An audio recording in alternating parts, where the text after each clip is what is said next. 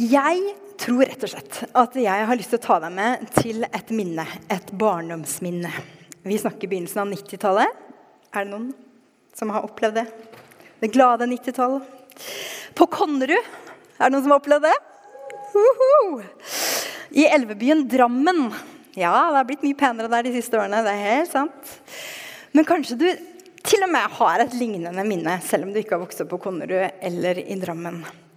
Vi snakker tidlig desember. Ellers i året så er du ikke spesielt opptatt av posten, men akkurat disse ukene her så handler det om å komme til postkassa først. Løpe mot postkassa. Strekke hånda oppi. Nei, ikke i dag heller. Neste dag. Frisk mot. Svipper de der små, våtte hendene dine opp i postkassa. Strekk i parkdressen så langt du klarer. Og så får du hånda nedi, og så kjenner du det. At i dag er nær! Dette har du venta så lenge på. Brio-katalogen. Det er snart jul, og nå skal det granskes. Er du med? Det skal granskes. Det er side opp, side ned. Det revideres, og det settes ambisiøse og uredde kryss. Og Jeg husker disse stundene her med tusjen og katalogen og liksom hvordan mitt sånn uskyldige barnesinn var så håpefullt. Og jeg tenkte at mamma og pappa eide hele verden. Det var ingenting som var umulig for dem. De på sin side de hadde tre små barn, to følgejobber og boligrente på 14% For det hadde man på 90-tallet. Jeg tror ikke at de opplevde at de veide, eide verden like mye som jeg gjorde. For dette dette her, det er for meg et barnslig bilde på noe som jeg tror at uh, mange kan kjenne seg igjen i. At livet, dette lerretet som er fylt med ukjent antall dager, og som vi har så mange tanker og drømmer for. Og heldigvis for det. For det er viktig for oss å ha forventninger, og det er viktig for oss å ha ønsker for livet vårt. Men hvordan vil det se ut, da? Dette livet vårt som en sånn respons på Guds invitasjon. Og hvordan vårt unike uttrykk skal leves ut. For dere, la oss være helt ærlige helt begynnelsen på denne gudstjenesten. Det er ikke vanskelig å være takknemlig. Verken til Gud eller folk når det er sommerbris, når det er mat på grillen, du har feriepenger fortsatt på kontoen. Men når vi leser Bibelen, så virker det som om takknemlighet er en grunntone ikke noe som bare kommer som en sånn situasjonsbestemt praksis. Og hvordan henger det sammen? Det må ligge en hemmelighet her, tror jeg. En stor hemmelighet. Så jeg tror vi må starte med å legge den største steinen først. Mening, folkens. Det er noe vi kan bale mye med. Alva Dahl hun er født i 1985. Det er veldig rart når folk som er ett år eldre enn deg, siteres siteres liksom, som en sånn veldig sånn voksen person. Men Alva Dahl hun er språkviter, forfatter og oversetter, og hun sier det på den måten Og som kristen så vil jeg stritte imot når noen krever at livets mening skal formuleres. Og her har jeg lyst til å legge til for dere kan mening noen gang formuleres med ord? Kan det det? Videre så sier hun at å be om at Guds vilje må skje, er å forkaste verdens misomfatning om at livet burde bestå av en rekke triumfer. Det er vanskelig å takke Gud alle slags dager hvis vi grunnleggende har Hvis vi, altså du og jeg, har en grunnleggende mening om hvordan det burde være for å være riktig. Eller hvordan jeg burde ha det for å ha det rent, rett eller sånn det er ment å være. Noen av dere kjenner historien min, noen av dere gjør det ikke. Og jeg har de siste årene blitt tvunget til å virkelig måtte møte og se dette her de siste årene. Ehm, så jeg tenkte at jeg skulle bare ta dere med til mandag i begynnelsen av oktober i 2021. Eh, tirsdag uken før så hadde vi fått vite at Alfred, han luringen der, han hadde kreft i magen. Og Dagen etter så hadde vi vært på Rikshospitalet. Tre runder med narkose på fem dager og bare en helt sånn vanvittig omstilling på alle mulige måter. Da hadde vi vært der fra onsdagen, og på mandagen så var vi tilbake i Drammen. Vi hadde vært en natt på sykehus der, og så gledet vi oss til å komme hjem en tur. Men før vi rakk å komme inn døra, mens jeg sto på Meny på Åssiden for å handle, så ringte de fra Rikshospitalet. Og så sier hun at jeg lurer på om dere har mulighet til å være her igjen i morgen klokka åtte. Fordi det er noen blodverdier vi synes er for høye.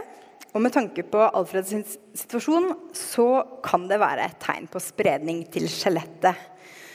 Det kan være ingenting, eh, men vi kan ikke ta noen sjanser. Så flott hvis dere kan være her i morgen. Da ble det stille i bilen. Og da eh, ble jeg sånn kvalm som jeg tror jeg aldri har vært før. Fordi vi hadde rukket å bli kjent med diagnosen til Alfred. Men dette her, det var bare en game changer. Altså med helt andre spilleregler og med helt andre fremtidsutsikter.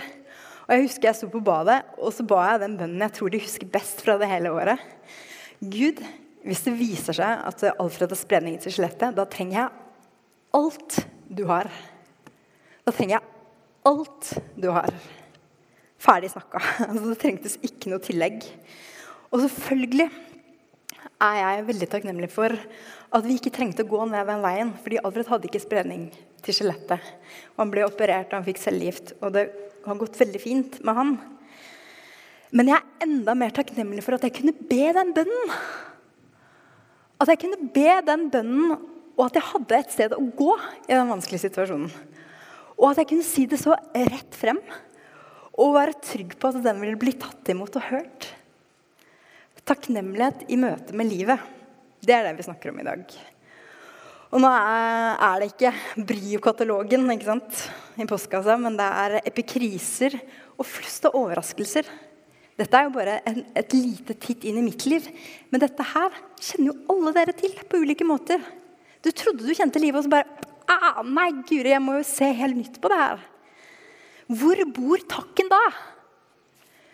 Bor den noen steder? Bor den ingen steder? Bor den i tilliten? Paulus skriver i Efesbrevet 1,15.: Derfor så holder jeg ikke opp med å takke Gud for dere når jeg husker på dere i mine bønner. For jeg har hørt om deres tro på Herren Jesus og deres kjærlighet til alle de hellige.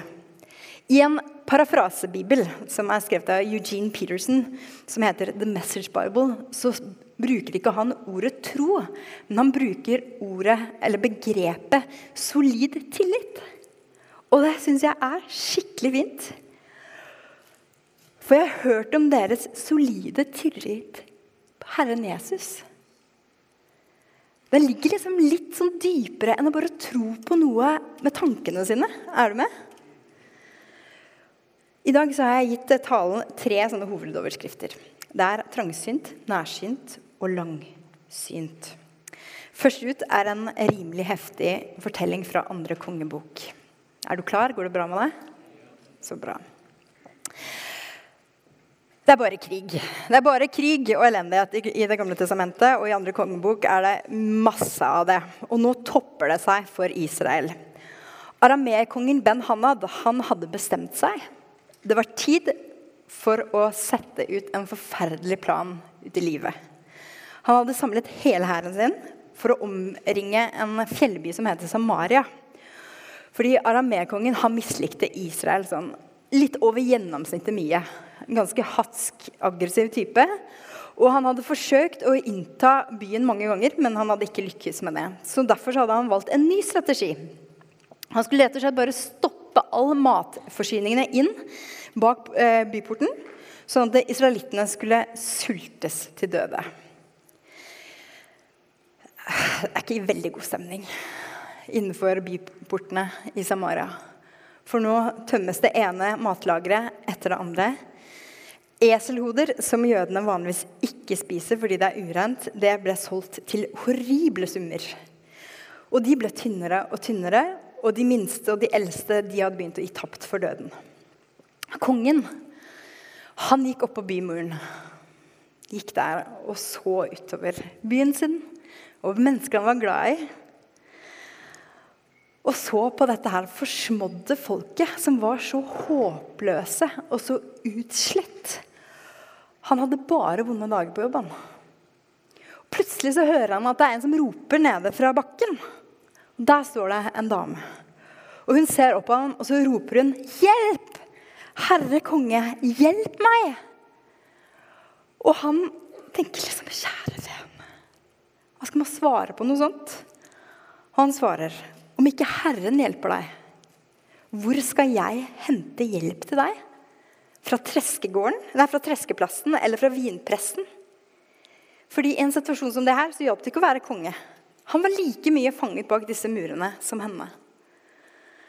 Sulten i Samaria den drev folk til desperate handlinger. Og den hjerteskjærende situasjonen som folket var i, den gjorde at kongen var så fortvila at han bare rev i stykker kongeklærne sine. De vakre kongeklærne sine. Under der så bar han en striesekk. Det er sånn de brukte i gamle dager. Vi har slutta med det. Men de brukte striesekker for å virkelig bare si at nå nå er det tøffe tak.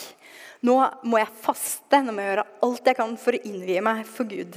Så når han river seg i kongeklærne, så ser de at kongen han faster. Men han ikke bare faster. Han er også skikkelig, skikkelig sint. Han er så sint på Elisha, som er Guds profet. Fordi han hadde stått der. Elisha hadde stått der så trygg og sagt at det, slapp av. Det er bare å stole på Gud. Men hvis det er sånn her det går med de som stoler på Herren, da var han ikke helt sikker. Han syntes ikke det var en helt optimal plan, så han hadde lyst til å drepe Elisha. Så han har med seg to menn og går for å finne ham. Og sier, 'Elisha, denne ulykken, den kommer fra Herren.' 'Hvorfor skal jeg da vente på Herren lenger?' Da svarte Elisha, 'Hør Herrens ord.' I morgen på denne tiden skal en sea fint mel selges for en sjekel ved byporten i Samaria, og to sea byggmel selges for en sjekel. Kongens våpenbærer og beste støtte tok til orde og sa til gudsmannen om så Herren lager luker i himmelen, så kunne ikke dette skje. Elisha svarte, du skal få se det med dine egne øyne, men du får ikke spise av melet. I den samme byen, et annet sted, ved byporten, så sitter fire menn. De er spedalske, utstøtte. Fire mennesker, fire skjebner. Og nå hadde de sittet der lenge. Sett på den varme sola, den ødelagte kroppen sin og hørt kor av rumlende mager. Men så sier plutselig den ene, helt ut av ingenting Hvorfor skal vi sitte her til vi dør? Nå snakker vi desperasjon. Det er jo et innmari godt spørsmål. Hvorfor må de det? Han fortsetter resonnementet sitt. Hvis vi bestemmer oss for å gå inn til byen, til Samaria, så vil sulten drepe oss. Blir vi sittende her, ja, da dør vi. Uansett hvor vi går, så dør vi. Men så går det opp et lys av galskap, og han sier jeg vet hva vi gjør. Vi går over til fienden. Vi går til arameernes leir. Lar de oss leve, så lever vi. Og hvis ikke, så er det verste som kan skje, gutta, at de dreper oss. Vi dør i prinsippet uansett hvor vi går. Vi har ingenting å tape. Så de bestemmer seg for å gå. Og nå må du skru på forestillingsevnen din. Her har du fire dødssyke menn. Så tynne og så skranglete, med sår og med misdannelser. Og nå reiser de seg opp fra sitt trygge sted for å møte det de fryktet aller, aller mest.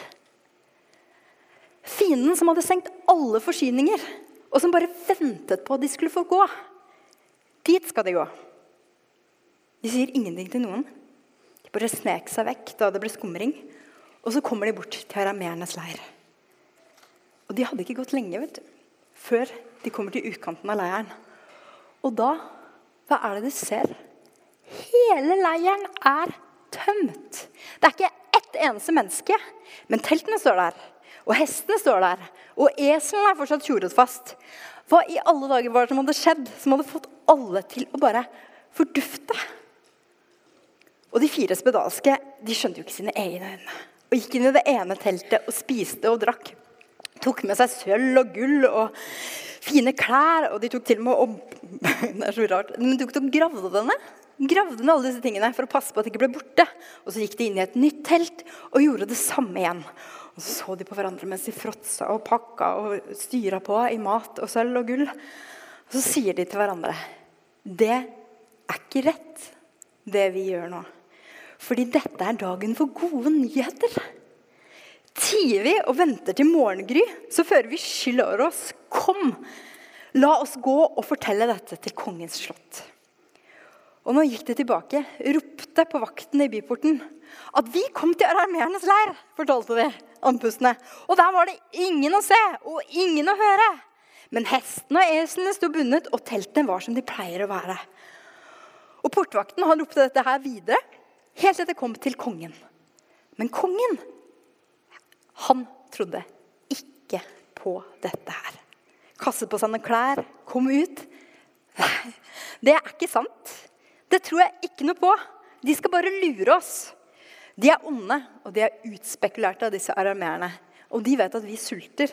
De har forlatt leiren, og de gjemmer seg ute i marken. Og når vi kommer ut, så tar de oss, og så tar de byen vår. Men kongen tok feil. Det ble som profeten Elisha hadde sagt. At miraklet kom til dem i løpet av én dag. Gud hadde ikke glemt dem likevel. Han hadde latt arameerne høre lyden av en hær som var så stor at de var sikre på at nå var det siste time kommet. Så de hadde bare sluppet alt de hadde i hendene, og så hadde de bare beina mot Jordan. Ikke spør meg hvordan, men det er sånn det skjedde. Og det er sånn det gikk. Og jeg tror ikke at noen av oss vil ende i eksakt samme situasjon som israelittene gjorde med arameerne i andre kongebok. Men jeg tror at det går an å føle seg like inneklemt og like desperat i livet. Hva er evangelium til denne dagen? Hva er de gode nyhetene som vi ikke må glippe akkurat denne dagen? Hvis vi skal bruke dagens tekst, så har jeg lyst til å trekke ut tre ting det første det er at miraklene og bønnesvarene kan finnes på de minst tenkelige stedene. Og Derfor skal du være veldig forsiktig med å bedømme andres reiserute. Og ikke minst så må du passe på så ikke du blir altfor sint på Gud før du vet hvor ruta tar deg. Can I get a witness? Solid tillit, det er det Paulus takker for. Han ser disipler som holder fokuset på en stor Gud midt i en trang verden. Og med blikket på han så er det umulig at ikke verden blir større. Og at ikke verden tross alt er god. Fordi Gud er god. Kongens ord til den fortvilte kvinnen det var at om ikke Herren hjelper deg, hvor skal jeg hente hjelp fra da? Jeg har lyst til å minne oss på at det alltid finnes krefter i verden som ønsker at vi skal finne trygghet og takknemlighet andre steder enn i Gud. Hva er det jeg mener med det? Jo, et konkret eksempel. Jeg vil heller være velsignet enn å være rik. Men hva er det som er forskjellene? For meg så handler det om tillit. Jeg må få en sånn jobb eller en slik jobb for å ha det jeg trenger. Hvor ligger tilliten vår da? Jeg har opplevd så mange ganger hvordan Gud åpner dører for meg og gjort meg så utrolig rik. Og takknemlig. Og nå handler det ikke det om materialistiske ting, men sånn rik inni meg. Og det er det eneste jeg kan ta med meg, og det er det eneste som ingen kan ta fra meg. Den største rikdommen kan jeg i hvert fall si for min del, det er når jeg kjenner at det er ingenting jeg trenger som vil gjøre meg mer tilfreds enn det jeg er her og nå. Kongen i Samaria han trodde at han skulle bli utsatt for et bakholdsangrep. Når de spedalske kom tilbake og fortalte om at leiren var tømt, fiendene var borte, ingen soldater igjen, det er bare mat, det er bare velstand. Men frykten hadde kneblet han helt. Og det gir jo helt mening. Men det fører jo ikke til forandring. Og det fører jo ikke til liv. Og det fører i hvert fall ikke til takknemlighet. Men det er når man er pressa, og når man kanskje har opplevd veldig mange skuffelser.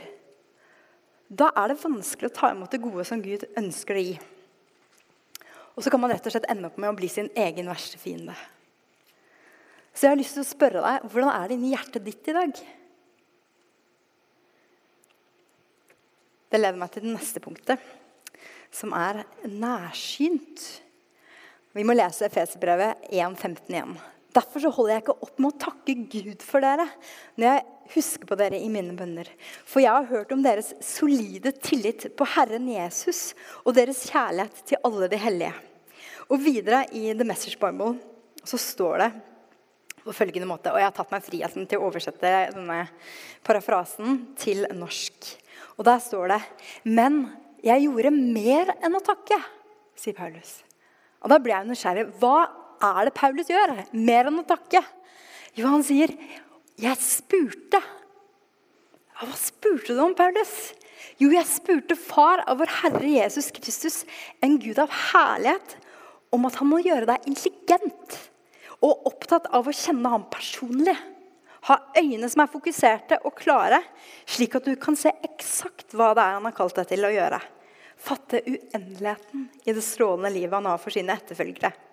Beklager denne litt pompøse amerikanske norske oversettelsen nå. Men å, den ytterste ekstravaganse av hans arbeid i de som stoler på han. Det gir endeløs energi. Det gir grenseløs styrke. Paulus ber for oss at vi skal ha øyne som er fokuserte og klare. Sånn at vi, sånn vi For vi trenger det for å skjønne hva slags liv Gud har i oss. Og Det henger sammen med det Egil snakket om forrige uke. Om denne hjertehagen som må, må pleies. Husker dere den? Det må vannes for å vokse, og så må det lukes for at det skal holdes fri fra ugress og være så vakker som det er skapt til å være. Og Dette tror jeg er en nøkkel. At vi må faktisk ta og være litt våkne i livet vårt. Bruke lyset til aktiv handling og respons. Nå kommer et sånn simpelt hverdagseksempel fra mitt liv. Så du gir sønnen din en friskis, og så bestemmer seg for å slå den i stykker på en tripp-trapp-stol. Den var så skitten av grøt på et tidspunkt at du måtte putte den inn i dusjen for å bare dampe den fri fra all gruff. En dag så kan hende dere skjønner dette her. Men, men jeg var hjemme med Alfred fra oktober til jeg begynte å jobbe fullt igjen i november. Et år uten, nesten ett år uten barnehage. Det er ikke en underdrivelse å si at jeg tidvis ble gal av å være så mye hjemme som jeg var. Fordi vet du hva? det er så utrolig mye bøss i et hjem med tre mennesker som er så mye hjemme som det vi var. Og det føltes altså som det mest intetsigende og meningsløse jeg kunne gjøre. Gå rundt, bare koste smuler, koste støv, koste Altså, det bare bøss. Og jeg var så lei av leker. og så, altså På et tidspunkt så tok jeg et kjøkkenhåndkle og så bare piska jeg de lekene. Jeg bare orker ikke mer! Ah, kan jeg ikke gjøre noe som liksom er nyttig i dette livet? Ah, så klagde jeg til en venninne på snart 80 år. Og jeg forventa trøst og medlidenhet og masse sympati. Men i stedet så fikk jeg dette teite svaret her. Siri, du må være glad for at du har et gulv.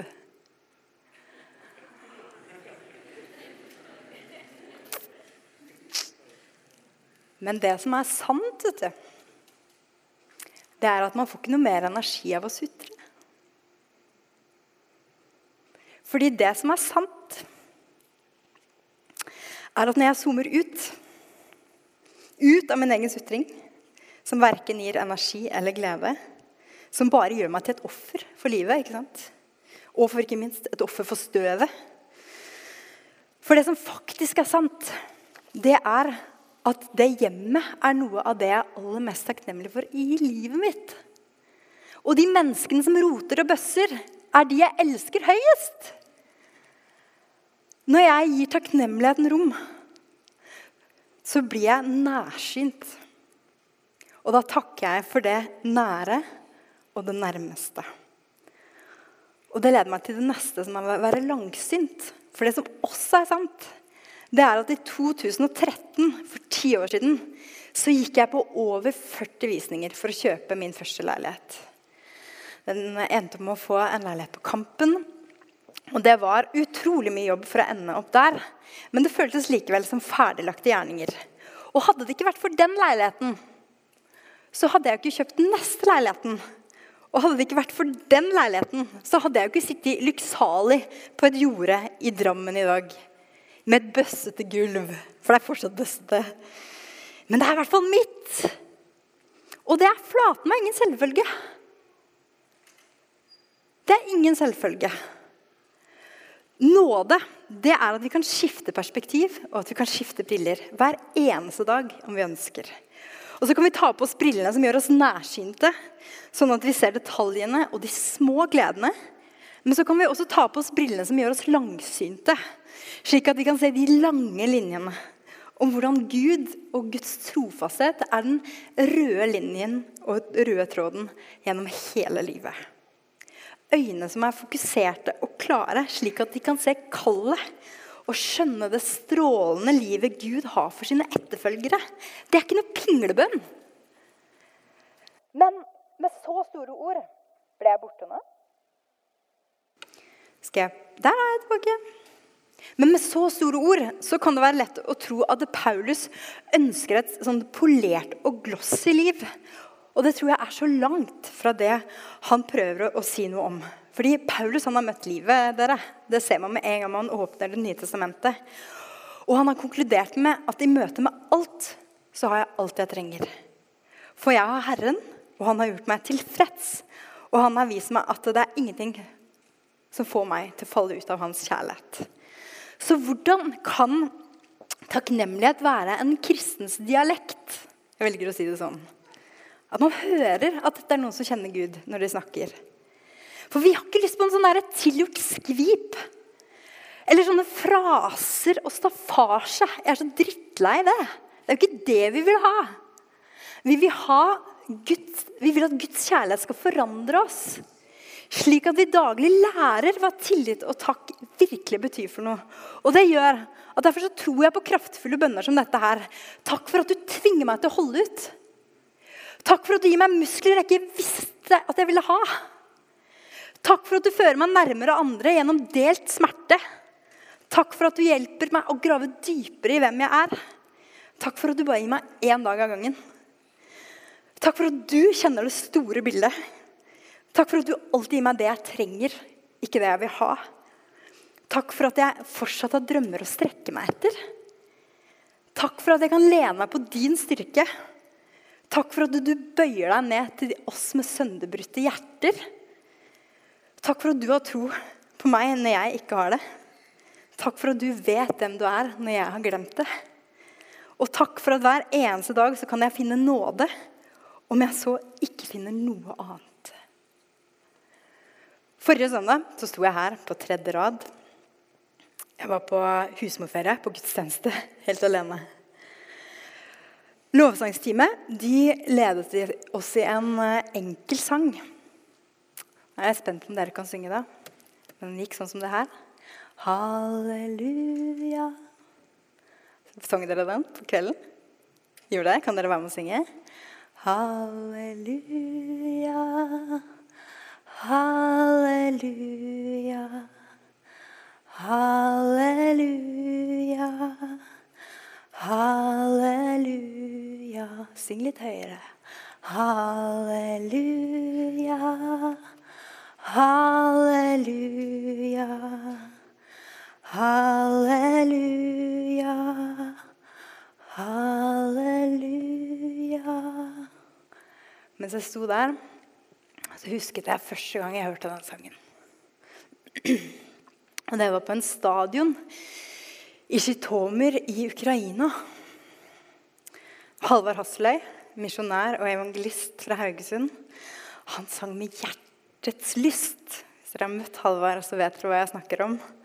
Og han ledet denne forsamlingen med flere tusen fattige ukrainere. Og etter at halleluja var sunget, så gikk de over til morsmålet, som var slava bogo.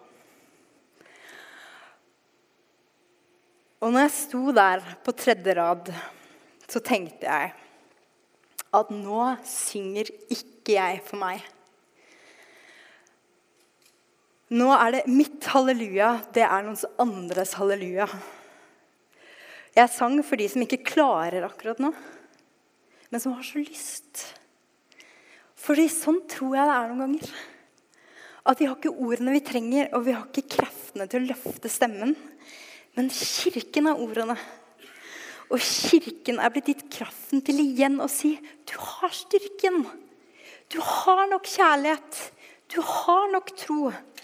Og så har jeg lyst til å si til deg som kom inn i det rommet her, som kjenner at det er nesten fysisk at tunga di er knebla. Kanskje du har hatt så mange skuffelser at du, du orker bare det, altså det, det låser seg. Jeg tror at det går an at man også kan bli helbredet på dette området i livet sitt. At det går an å kjenne at takken flyter. Med oppriktige ord. Ikke kliss, men med oppriktige ord. Ærlige ord. Sann takknemlighet. Så om du lever livet i ditt eget lille Samaria og føler at alle dører er låst, muren er for høy, og det er altfor langt ned, alle innfartsårer er stengt, og du vet ikke hvor du skal gå, for uansett hvor du går, så er det død som møter deg. Da har jeg lyst til at du skal huske på denne historien her. Og huske at denne historien hadde sett helt annerledes ut hvis ikke det var fire syke, svake, desperate menn. Hva skjer når det slår deg at uansett hva du velger nå, så kan du dø? Da, nå tenker jeg ikke nødvendigvis på en fysisk død, men sjelelig. Eller bare liksom, du kjenner at det stopper opp. Da tror jeg at vi kan få en sånn farlig, befriende form for likegyldighet. Regnskapet var som følger. Blir vi, dør vi. Går vi til byen, dør vi. Går vi til alarmerende, er det kun mest sannsynlig at vi dør. Det er en gladsak. Kun mest sannsynlig. Det var det som reddet det israelske folket. Mest sannsynlig kan redde deg. Kanskje roten til takknemlighet ligger et helt annet sted enn du tenker. Kanskje du finner det ved å møte fienden ved det du frykter, det du gjemmer deg for, det som holder deg nede, det som gjør at du går rundt og føler deg både tom og sulten. Kanskje dere, helt på tampen av sesongen, at det likevel er tid for en konfrontasjon. Kanskje det er tid for å erkjenne at vet du hva, blir jeg sittende her Nå tenker jeg ikke her i kirken, men blir jeg sittende her i livet mitt, så dør jeg. Nå trenger jeg å ta imot Gud.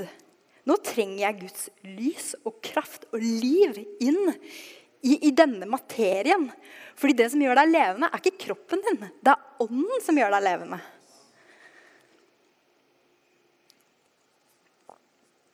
Gud bygger for oss. Gud bygger våre liv. Pass på at vi har det vi trenger. Men kanskje viktigst av alt så bygger han vårt indre liv.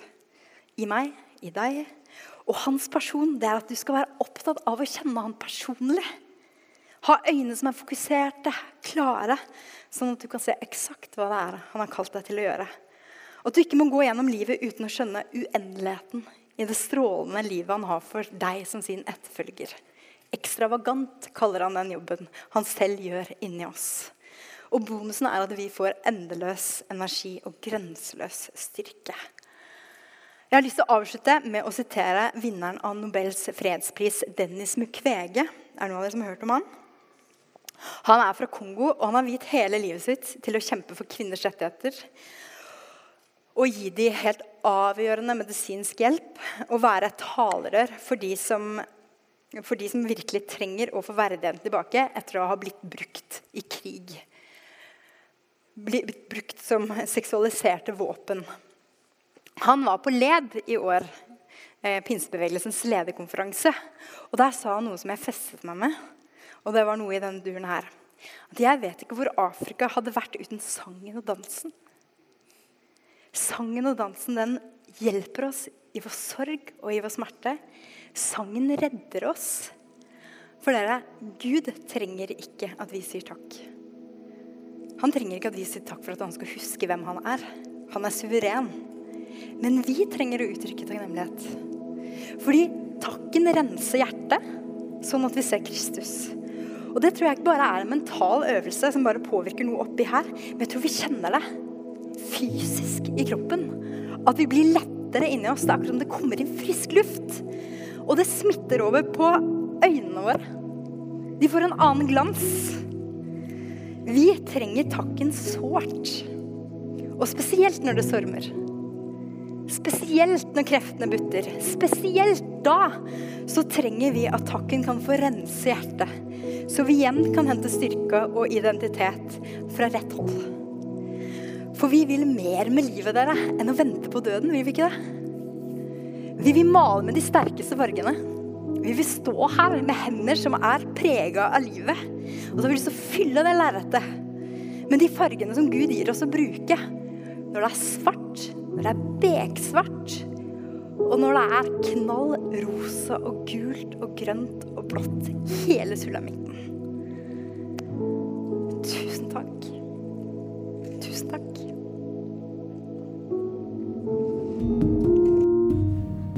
Du har nå hørt en podkast fra Filadelfia-kirken i Oslo. Vil du vite mer om oss, gå inn på filadelfia.no. Og ikke minst velkommen til å feire gudstjenester med oss hver eneste søndag, enten fysisk eller online.